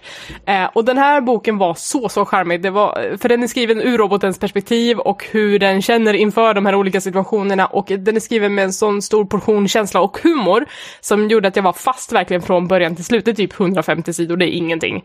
Ehm, Och eh, jag har inte läst fortsättningen, men jag tror det finns typ så här fem, sex böcker och jag är, de är på min lista omedelbart. Eh, För att det var bara så, så nice att läsa om Murderbot, bli kompis med Murderbot och eh, förhoppningsvis få läsa om eh, dens eh, fortsatta äventyr. Eh, jätte, jättebra kort bok, verkligen. Fan vad coolt. Jävlar vilka tips man får idag. Den här hamnar Mm. rakt ner i... Ja, men vi tar väl bara med oss det som är bra, eller? Ja, just det. Var inte det så Larry King som sa allt hela tiden i sina eh, avsnitt när han recenserade saker och alla sa du är så positiv hela tiden. Sa han varför ska jag prata om något som är dåligt? Ja. man, har ju, man har ju lä- gått på några boknitar och läst några riktigt dåliga böcker också, men jag vill inte prata om dem, jag blir förbannad. Eh, Så Mur- Murderbot Diaries är min, min bokrekommendation. Men ni ville läsa Jo Nesbø, den norska deckarkungen och hans Harry Hole-serie. Som jag, jag, jag har inte läst den själv innan, min mamma har läst den vet jag. Eh, Och jag tänkte liksom att, ja ah, fan. Jag hade... Det är bra betyg. Ja, ma- eller mamma läser mycket som jag inte tycker om också. Eh, men eh, jag vill bara kort dra min relation till, till deckarböcker. Eh, för jag hade en period på högstadiet då jag läste deckare som en jävla idiot. Jag var liksom eh, 15 år gammal och knäckte liksom Val McDermid-pärmar och var, liksom läste jätte, jättehungrigt de riktigt mest allra vidrigaste deckarromanerna med sexualbrott och det var eh, liksom profilering av eh, seriemördare och eh, psyksjuka, eh, whatever liksom. Alltså det var, jag läste så mycket deckare, så mycket. Men vad, vad, vad, vad var själva draget till? För jag har ju också haft någon sån här deckar...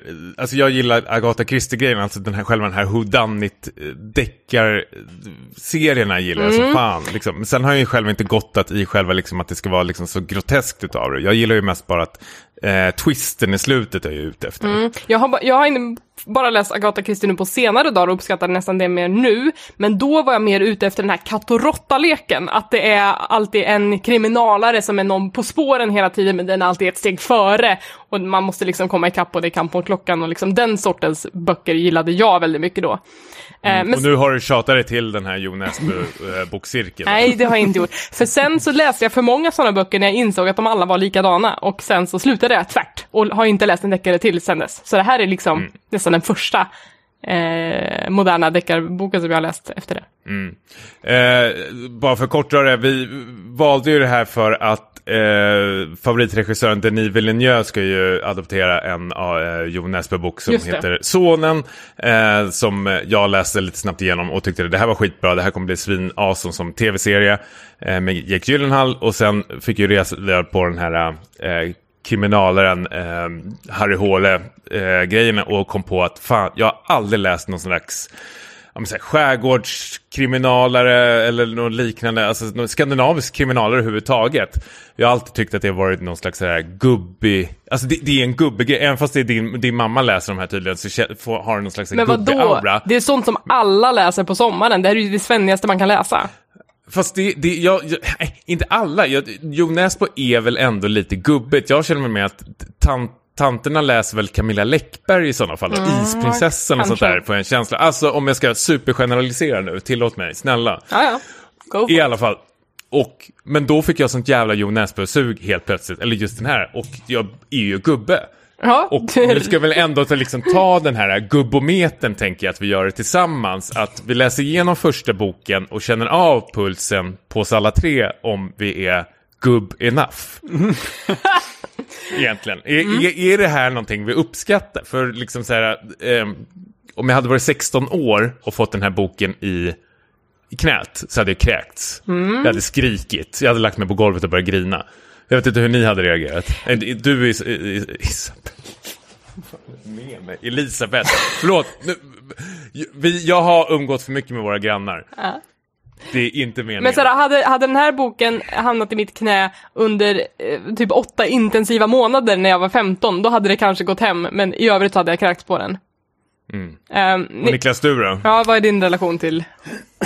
Jag hade nog inte uppskattat det direkt, men däremot så har jag läst, som jag nämnde också, några av Hen- Henrik Mankells eh, Wallander-böcker och tycker de var jättebra. Men det blev väl lite för mycket av samma där också kanske. Men man känner ju igen sig i den här boken. Man känner Oh, vet du vad man läste också? Man läste Dan Brown och sen så läste man eh, Millennium-trilogin också. Det var då, det var då jag Men- läste. Men Millennium-trilogin är väl inte en gubbkriminalare skulle jag Nej. kategorisera. Alltså, och Da- Vinci-koden är väl till för folk som ha- har lärt sig läsa nästan Ja, för första gången känns som. så är det. Ja, men, ja, men som, som ska försöka vifta med att de är lite intellektuella. Just det. Eh, ja. Lär sig om Illuminati för första gången. Ja men precis, Mm. det är lite konspirationsteoretiker, eh, galningar. I alla fall, eh, vi hoppar in på den första Harry Hall-boken, eh, The Batman, Fladdermusmannen. The Bat heter den på eh, Mm. The engelska. Bat heter den ja. Ja, Elisabeth, du har läst den, jag och Niklas har lyssnat på den. Eh, och eh, kort är det väl ändå att vår kriminalare, norska kriminalare Harry Håle åker till Australien för att lösa ett mord på en eh, norsk eh, flicka som har eh, ja, blivit brutalt Hon är väl mördad. kvinna, hon är ju myndig. Vad sa jag? Flicka? Ja. Det låter som att det är ett barn. Okej. Fan. Kvinnor. hon, är, hon är myndig tydligen. Eh, och eh, med sin hjälp så får han de här eh, uh, australienska polisen med sig. Och det är väl någon jävla globetrotterresa tänkte jag väl säga. Men nästan i, runt om i Australien och mycket australiensk historia. Ehm, ja, jag vet inte, vill ni tillägga någonting på det här? Eh, jag läste en, eh, en eh, sorts trivia medan jag kollade på, book, på Goodreads om den här boken. Och ehm, där nämner de att när ehm, den här Harry Hole-serien skulle översättas till engelska så började man inte med den här boken, man började med bok nummer tre. Eh, Och eh, den här släpptes då mycket senare. Och alla i, i kommentarfältet på Goodreads sa i princip jag förstår varför de valde att börja med en senare bok i den här serien. För att det här är inte en jättestark bok. Får jag, får jag, Eh. får jag lägga till en, en kul grej i den där trivia-spaningen? Eh, tydligen är det ju så också då att eftersom de började... Twitter, Twitter-fakta nu. igen. Någon sa att, nej men, eh, i någon av de här senare böckerna då så, som den engelskspråkiga världen då fick ta del av först innan de två första böckerna, så, så avslöjas tydligen vem mördaren är i The Bat. När Harry nej. tänker tillbaks på ett gammalt fall då liksom och vad som utgjorde alla de här morden. Så alla liksom... så Alla det har ju då redan. spoilats, så alla visste ju då vem, vem mördaren var. Kunde man inte te- klippt bort, eller klippt bort, men kunde man inte liksom editerat bort det då känner Men jag? det tror jag inte de tänkte på riktigt, de som liksom översatte. De var inte så kunniga i, i Harry Hole-låren. Lore. Nej. Och, ta, och ta, Alltså, tanken det- bara, jag, vill bara, jag har läst på här nu att tanken var ju då från förläggarnas Kul sida. att vi har lagt så mycket energi och tid på den här boken. Från förläggarnas sida så var det ju att liksom, de ville ju åt det här exotiska, det norska. Och det är inte förrän i tredje boken som, han, eh, som det utspelas i Norge. I första Precis. boken Australien och i nästa bok så är det ju eh, Bangkok, Thailand, ja. Thailand. Eh, vi, vi kommer återkomma till det. eh, så, I nästa avsnitt. Vi, vi, nej, men Vi vi, vi håller det. för- det. Det är en hisspitch där. Men, men tillbaka till handlingen då, eh, så är det ju att, att eh, Harry då paras ihop med en, en, eh, en polis på, i den här i den här divisionen som har aboriginskt ursprung och den här killen vill ta honom med på en jävla turné av Australien istället för att faktiskt göra sitt jobb. Och allt det här eh, framstår som, som, som så väldigt, väldigt obegripligt. Att man bara, varför gör ni inte det ni ska göra här på något sätt? Eh, och det finns ju en förklaring till detta som kommer senare, men det, alltså som den här boken börjar, jag fattar fan inte vad de höll på med. Nej. Ja, vad tänkte du på? Nej men, så här, men typ när de ja, ska men på, på Ja, men de åker ju runt på boxningsklubb och de ska gå på cirkus och de ska göra massa grejer. Eh, Man ska ju visa upp lite av eh, andan i Australien. Alltså det, det är ju det jag gillar med den här boken, om det är något som man ska ta, ta in som väldigt positivt. Det är ju att du får en liten historielektion. Alltså Australien ligger ju på första plats för mig som en av de största pissländerna i världen. Och jag får ju bara vatten på min kvarn när jag läser den här boken. Att jag tror det är typ så här ett helt kapitel där de bara sitter och pratar om giftiga spindlar och ormar. Och jag är så här, jajamän, dit vill jag absolut inte åka, det där jävla skitlandet. Det finns ju en annan scen i den här boken där de bara sitter och svettas där AC'n inte fungerar i polishuset. Och jag känner att det, det finns ju ingenting i den här äh, boken som den beskriver Australien som jag liksom känner att gud vad kul, hit vill jag åka. Nej, det är inte en reseguide, det är det inte. Men jag har eh, haft jättemycket problem med den här boken med att den inte vet vad den håller på med, eller jag vet inte vad den hå- håller på med framförallt. Det är som du säger, det är ett kapitel där de sitter och pratar om spindlar, det är ett kapitel där de sitter och svettas, det är ett kapitel där de åker på cirkus. Och så det, det är så väldigt, väldigt lite som har med mordet att göra, så att jag bara, eh, alltså jag tappade verkligen, jag har skummat förbi så många sidor, för jag bara, jag, jag vet inte varför jag ska läsa det här. Och det är så mycket anekdoter i den här boken. Alla som Nej. Harry Hålet träffar har en Inte, anekdot. inte, ja, inte anekdoter, det är väl nästan så här fabler ja, de ska sitta och berätta. trivia! Ja, liksom, och då sitter Harry Håle, det slutar, alla fabler slutar likadant, att Harry Håle är helt tyst och säger jag fattar inte. Jag sa jag samma sak. Ja, ja men jag, precis, jag tycker det känns mänskligt ändå av Harry att liksom, nej jag fattar inte. Och jag tycker det är så kul att alla uttalar hans efternamn fel ju såklart, att det är Harry Hole eller Harry Hol, eh, Holy. Holy. Eh, nej, eh, det, jag har aldrig läst en deckare som har haft så lite fokus på mordet förut. Mm. Men jag tror nästan det är det jag gillar mest med den här boken, att det är allt som händer runt omkring i den här. Och sen är det väl kanske lite segt och utdraget ändå, men jag känner att... eh, jag vet inte, jag, jag, jag gillar det myset på något sätt ändå. Jag är inte så, jätteintre- jag är inte så jätteintresserad av det här mordet faktiskt. i- Nej, från- för att han från- säljer inte som ett bra mord. Nej, men jag hade ju också gjort som Harry. Liksom, så- alltså, han, han introduceras i början som typ en, en eh, nykter alkoholist. Men sen går han ju bananas och typ så här, jag tror det är nästan så här fem kapitel i rad, han sitter bara tömmer barskåp och sitter bara super. Och det känns så här, fan skönt. Det hade jag också gjort om jag hade varit där borta och läst det där pissiga mordet. Det var ju då jag kände att, eh, typ så här, att det här var sämsta partierna i böckerna, i boken, när han, när han får det här återfallet.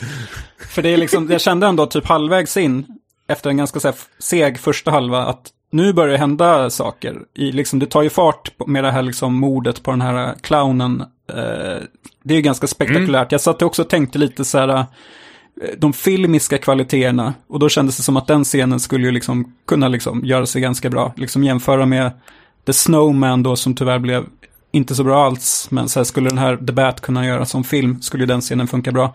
Mot slutet kommer det också en bra scen. Skulle säga, ni två har ju inte läst klart boken. Det är ju bara jag Nej, som jag har har gjort typ, det. jag har typ alltså 20-30 sidor kvar bara. Ja, jag ville ändå Ja, nämna det. Men, ja, men, Fokuserar du på det där fantasia-spelet istället? ja, nej, men jag, jag tyckte ändå att så här, trots att det är så här, den följer ju en mall och den liksom, den eh, avdankad kommissarie liksom som kommer och eh, han jobbar med ett gäng gubbar som jag läste någon recension sa så här, Herr Holes sega gubbgäng liksom och inga kvinnliga medarbetare eller någonting så här. Och det är typ, Åh, han är ju gubbslemmig också. Det är ju lite, lite slemmigt allting som har med kvinnor att göra i den här boken också. Ja, men han knullar ju horor och allting. Ja, Det- han, Han tar för sig här. han träffar en tycker ändå- yppig svenska. Ja, men, men samtidigt är han ju lite värd det på den pissiga kriminallönen han får, tycker jag. Så lite måste han väl kunna götta sig med. Hallå? Ingen medhåll? men Alltså- eh, alltså, Ja. Jo Nesbø, förlåt. Jo Nesbø är så, eh, han är så kär i Harry Håle, han vill jättegärna gräva i sin huvudkaraktär. Som jag, alltså jag bryr mig inte alls om honom. Jag bryr mig inte om hans jävla bänder, jag bryr mig inte om hans bakgrundshistoria. Så att hela den här bo- boken är verkligen en plåga för mig att ta mig igenom. Men däremot fattar inte jag om eh, Harry är heterosexuell eller bisexuell eller homosexuell. Jag har jättesvårt att få ihop det. För han kan ju sitta och beskriva män och deras muskler och allting hur länge som helst. Men tjejerna blir ju bara en snabb madrass för honom. Ett, Ja. liksom ett, en, me- en mellanlandning. Men killarna kan han sitta och beskriva och liksom berömma deras muskler och eh, utseende och allting. Så det, det finns någon slags bög-aura över Harry Lite som jag gillar väldigt, väldigt kanske? mycket. Eh, Kvi- ja, kvinna, eller han Kanske. kanske är väl, jag vet inte, bi-curious eller någonting. Jag vet inte, jag tycker det är In superintressant. Det denial. Ja, och jag har ingen koll på de kommande Harry-böckerna, men det som ska bli spännande, för att utgå ifrån att vi fortsätter. att vi fortsätter på något jävla sätt, är att hur han förhoppningsvis utvecklas, eller om han är fortfarande en bänder i tolv böcker fram. Vänta, innan ni säger någonting, så ska jag med en mening förklara, eller sälja in andra boken då, som heter Kackerlackorna. Är ni med? En nära vän till Norges statsminister knivhuggs till döds på ett sjaskigt motellrum i Thailand. Oj, oj, oj. Ska, då blir det turné Nej, i Thailand så- nästa gång. Jajamän. Harry går på pingpongshow och är jättemissnöjd att det inte var riktig ping. Ja. Nej, men vad, vad, vad skulle ni sätta för betyg på den här om ni 1 till 5 liksom? Jag skulle ändå sätta typ 3 plus. Ja men det är samma här. Men vad sätter man på gubbometer? Det är ju den som är viktigast. 4 plus. Fem. Fyra. Eh, det men, kan bli värre. alltså, på, men boken i stort, alltså jag är fan nere på en etta, alltså jag har inte haft kul när jag har läst det här. Det, är- eh, men jag, jag är ändå pepp på dels så här, vad, vad är det amerikanerna såg i bok nummer tre? Det vill jag jättegärna se. Och sen vill jag också bara generellt veta varför har det här sålt så jävla bra? Det måste ju plocka upp det någon, måste plocka upp farten någon gång. Det är ingen spoiler men jag har en, eh, jag berättade om den här bokklubben till en arbetskollega. Som sa då att, men vad kul, jag är ett eh, Harry Håle-fan, jag har läst allihopa. Och då sa han att tredje boken var den sämsta tiden, för då är han i Norge. han, vill, han vill att Harry ska ut och resa och kröka runt. I Norge är han på hemmaplan. Oh my då, är, God. då är det hårdare regler tydligen. Kan inte ta för sig lika mycket. Ja, precis. Hunden är inte lös. Åh nej, vi har alldeles för olika förväntningar på Harry Håle känner jag. det, här är, det här är ju en, en man i 55-årsåldern också. Ska jag...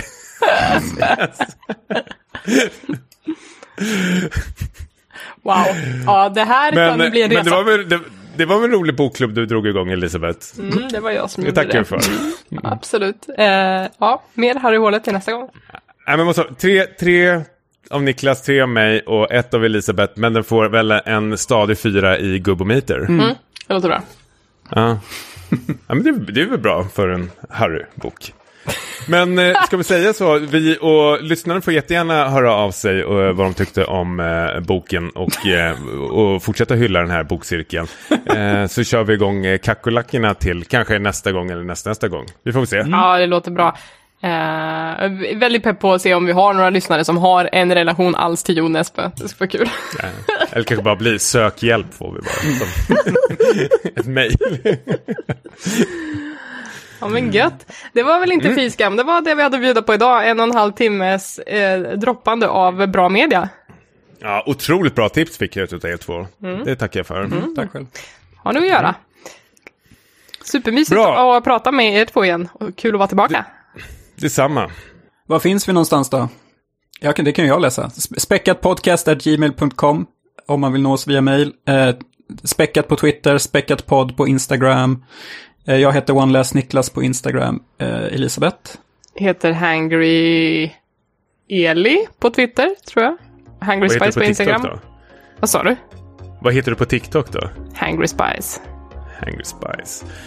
Stimpas heter jag på Instagram. Tom understreck Jansson på Twitter. Så uh, hörs vi. Det gör vi. Ha det gött hörni. Ha det bra. Hej. Bye!